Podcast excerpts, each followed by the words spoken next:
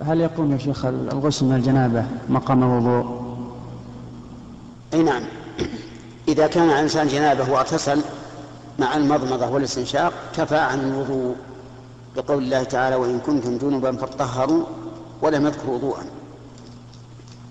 نعم.